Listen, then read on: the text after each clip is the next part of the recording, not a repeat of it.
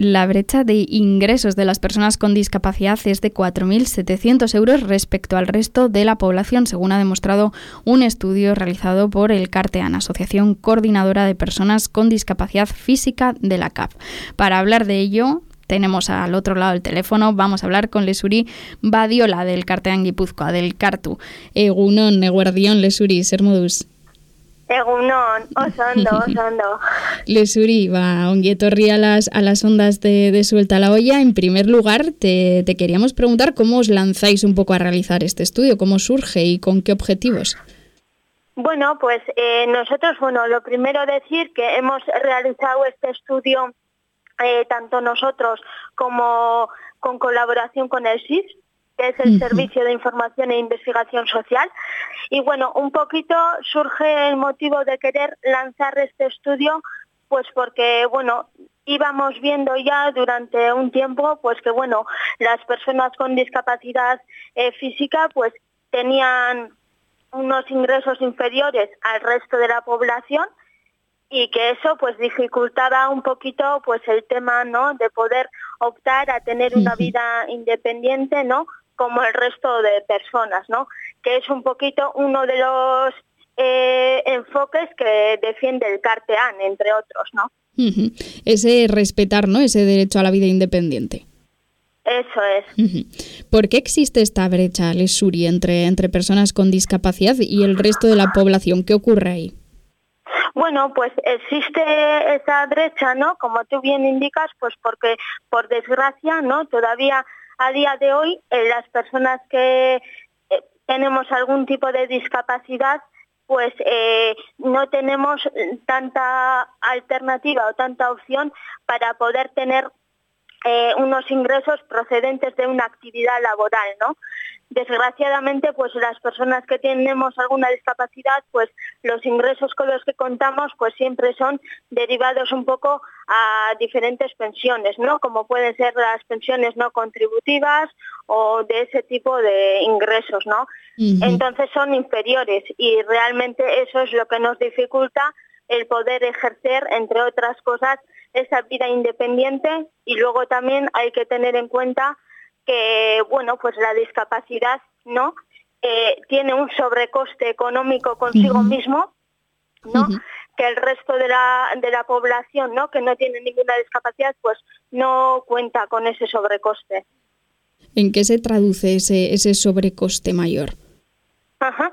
Bueno, pues ese sobrecoste mayor se traduce un poquito, ¿no? Pues bueno, las personas que tenemos algún tipo de discapacidad, pues necesitamos pues otro tipo de, de apoyos, ¿no? Como pueden ser quizás los productos de apoyo, ¿no? Pues por ejemplo, una grúa o otro tipo de materiales que podamos a través de ellos realizar esa vida independiente en nuestras propias viviendas, ¿no?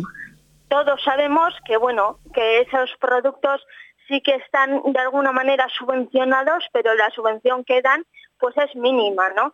Entonces, pues realmente hay que tener una, de alguna manera, capacidad económica o, o remanente para poder hacer frente y desgraciadamente muchas de las personas con discapacidad pues se encuentran con dificultades para poder optar a ellos, ¿no?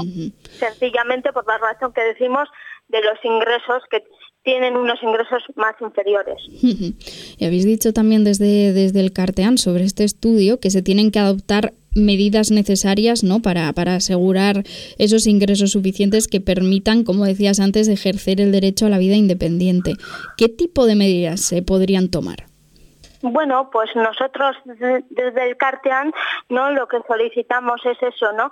Que se adopten, pues, eh, esas medidas, pues, eh, no que se adopten tanto medidas para mitigar ese sobrecoste de la discapacidad por una parte y por otra parte pues asegurar unos ingresos económicos suficientes que nos permitan llevar a cabo esa vida independiente, ¿no? Y bueno, pues ¿qué se podría hacer? Pues bueno, mm, realmente no. Primero creo que eh, intentar no pues que es eh, que las personas que tengan algún tipo de discapacidad en los casos que sea posible pues optar por el por el trabajo digamos ordinario y no segregado vale o sea, el poder optar a ese tipo de trabajo, que con eso, pues lo que se intenta también es que esos ingresos sean más elevados que en las otras ocasiones y que por tanto eh, no necesitemos eh, o sea, que no dependamos de otras ayudas, ¿vale? Como pueden ser las pensiones o demás, y pues trabajar en ese, en esa línea, ¿no? En que el trabajo se apueste por ese trabajo ordinario, en los casos que sea posible. Y en los otros casos que no sea posible por diversos motivos, pues bueno, que esas pensiones o pues que sean más elevados, ¿no? Para las personas que no puedan optar a otro tipo de trabajo o no tengan opciones de trabajar o lo que se lo que surja ¿no? en ese momento. Pero desde luego hay que apostar por, por de alguna manera por esa vida independiente eh, y bueno y creer en que eso es posible, ¿no? Y les diré, otro, otro de los problemas que implica esta, esta brecha es un riesgo también de, de exclusión social mayor. Sí, sí, efectivamente, pues como tú, como tú comentas, ¿no? Eh, el hecho de que haya de que haya esa diferencia, ¿no? Entre el resto de la población y las personas con discapacidad, pues bueno, eh, demuestran, ¿no? Pues que hay muchísima gente, pues que está en riesgo de, de exclusión o que puede llegar a estar, ¿no?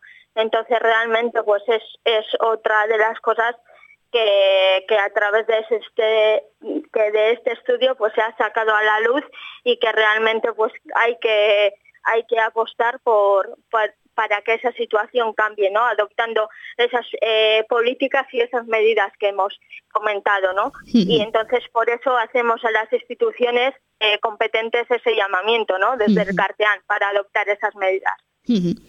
Y hablando un poco del mundo laboral, me gustaría preguntarte también qué tipo de discriminaciones puede sufrir eh, una, una persona con discapacidad física en el mundo laboral o si ¿no? si se relega incluso, qué problemáticas hay si se relega a las personas con discapacidad solo a un tipo de empleos, por ejemplo.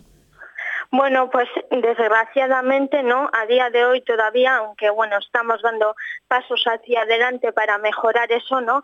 Pero por desgracia a día de hoy todavía pues bueno se da eh, bueno a las personas que, que, tenemos algún tipo de discapacidad pues parece ser que no que se da prioridad a esos empleos protegidos no quizás no y que no se da tanta esa visión a lo que es el empleo ordinario no y, apostar que las personas que tenemos alguna discapacidad pues que bueno a pesar de nuestra condición física en este caso tenemos capacidades para poder eh, estar en otro tipo de puestos porque tenemos estudios y formación suficiente para ello.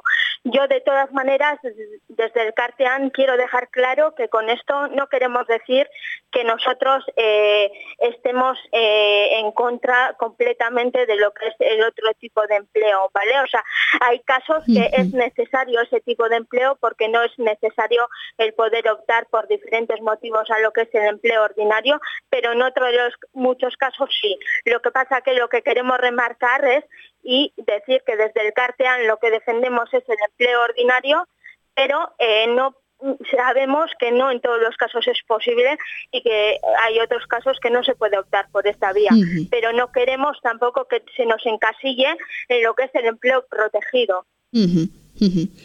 Em, entonces, no, entiendo que en ese empleo protegido quizás se da una, una situación de cierta normalidad, entre comillas, pero en el empleo ordinario sí que se encuentran problemas, ¿no? Como decías, a la hora de, ejercer lo que has estudiado, lo que has hecho, a, qué te quieres dedicar. Bueno, lo que lo que ocurre un poquito es, pues bueno, no, eh, de alguna manera, pues parece, no, por el simple de, por el simple hecho de tener unas ciertas limitaciones, ¿vale? Parece ser que se, en momentos o todavía se cree, pues que no somos capaces de poder desempeñar otro tipo de trabajos, ¿no?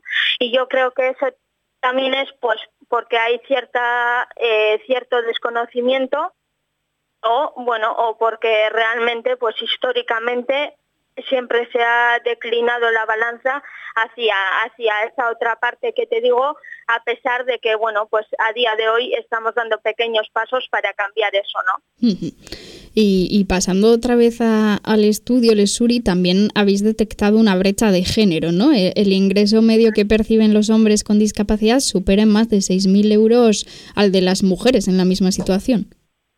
Eso es, eh, a nivel de género también hemos visto, pues como tú has indicado, ¿no? Una gran diferencia y eso también pues es un, dato muy significativo no desde la perspectiva del género no y creo que bueno pues eh, ahí también se tienen que bueno hay que analizar no ese dato desde una desde un enfoque un poco para hacer esa mejora no realmente es un dato realmente impactante no Sí, al final esa brecha de género está presente en toda la población en general.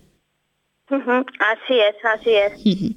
Y para las personas que, nos estén escuchando y no conozcan muy bien eh, el CARTEAN, esta, vuestra asociación coordinadora de, personas con discapacidad física de, la CAF, ¿qué tipo de trabajo hacéis desde las asociaciones situadas en cada herrialde de la CAF, en este caso desde, desde el CARTU, desde Guipúzcoa? Bueno, pues nosotros eh, al final desde el Cartean eh, lo que se quiere conseguir es un poquito pues eh, transformar esa sociedad, ¿no? Transformar esta sociedad que tenemos para poder un poquito pues conseguir esa sociedad de igualdad de oportunidades para para todo tipo de personas, ¿no? Entonces, independiente, en este caso para las personas con discapacidad. Entonces, lo que hacemos es, bueno, pues hacemos una eh, bueno, pues hacemos una incidencia institucional, ¿no? Y si vemos pues situaciones de discriminación, pues las denunciamos, ¿vale? Las denunciamos y denunciamos pues haciendo diferentes aportaciones pues a diferentes eh, leyes o diferentes cosas donde veamos que los derechos de las personas con discapacidad en este caso se vulneran, ¿no? O sea, un poquito la labor del Cartean es un poco pues de visibilizar y de reivindicar, ¿no? Donde nosotros vemos que esos derechos están siendo vulnerados. O sea, que no solo os quedáis ¿no? En, en, esa discriminación en el mundo laboral, sino que extendéis vuestras reivindicaciones a todos los ámbitos, a toda la sociedad.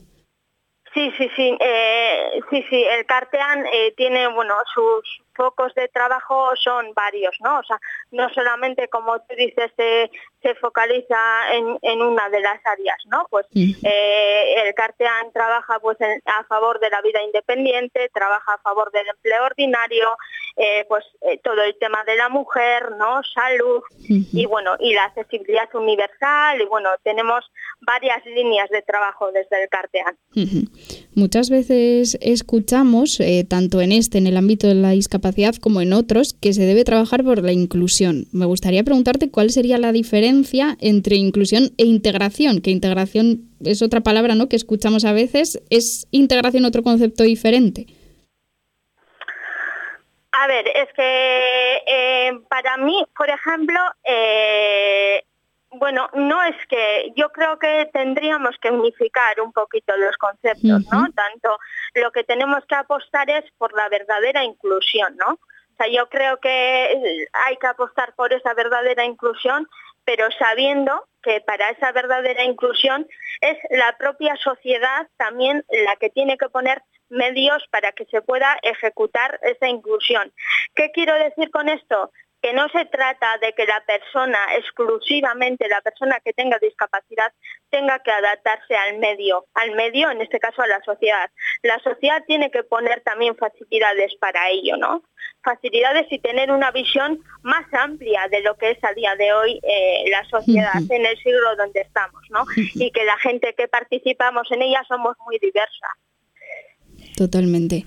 Eh, Lesuri, pues para, para ir terminando, eh, me gustaría preguntarte si se encuentra disponible el estudio, si se va a publicar de, alguna manera o a, divulgar.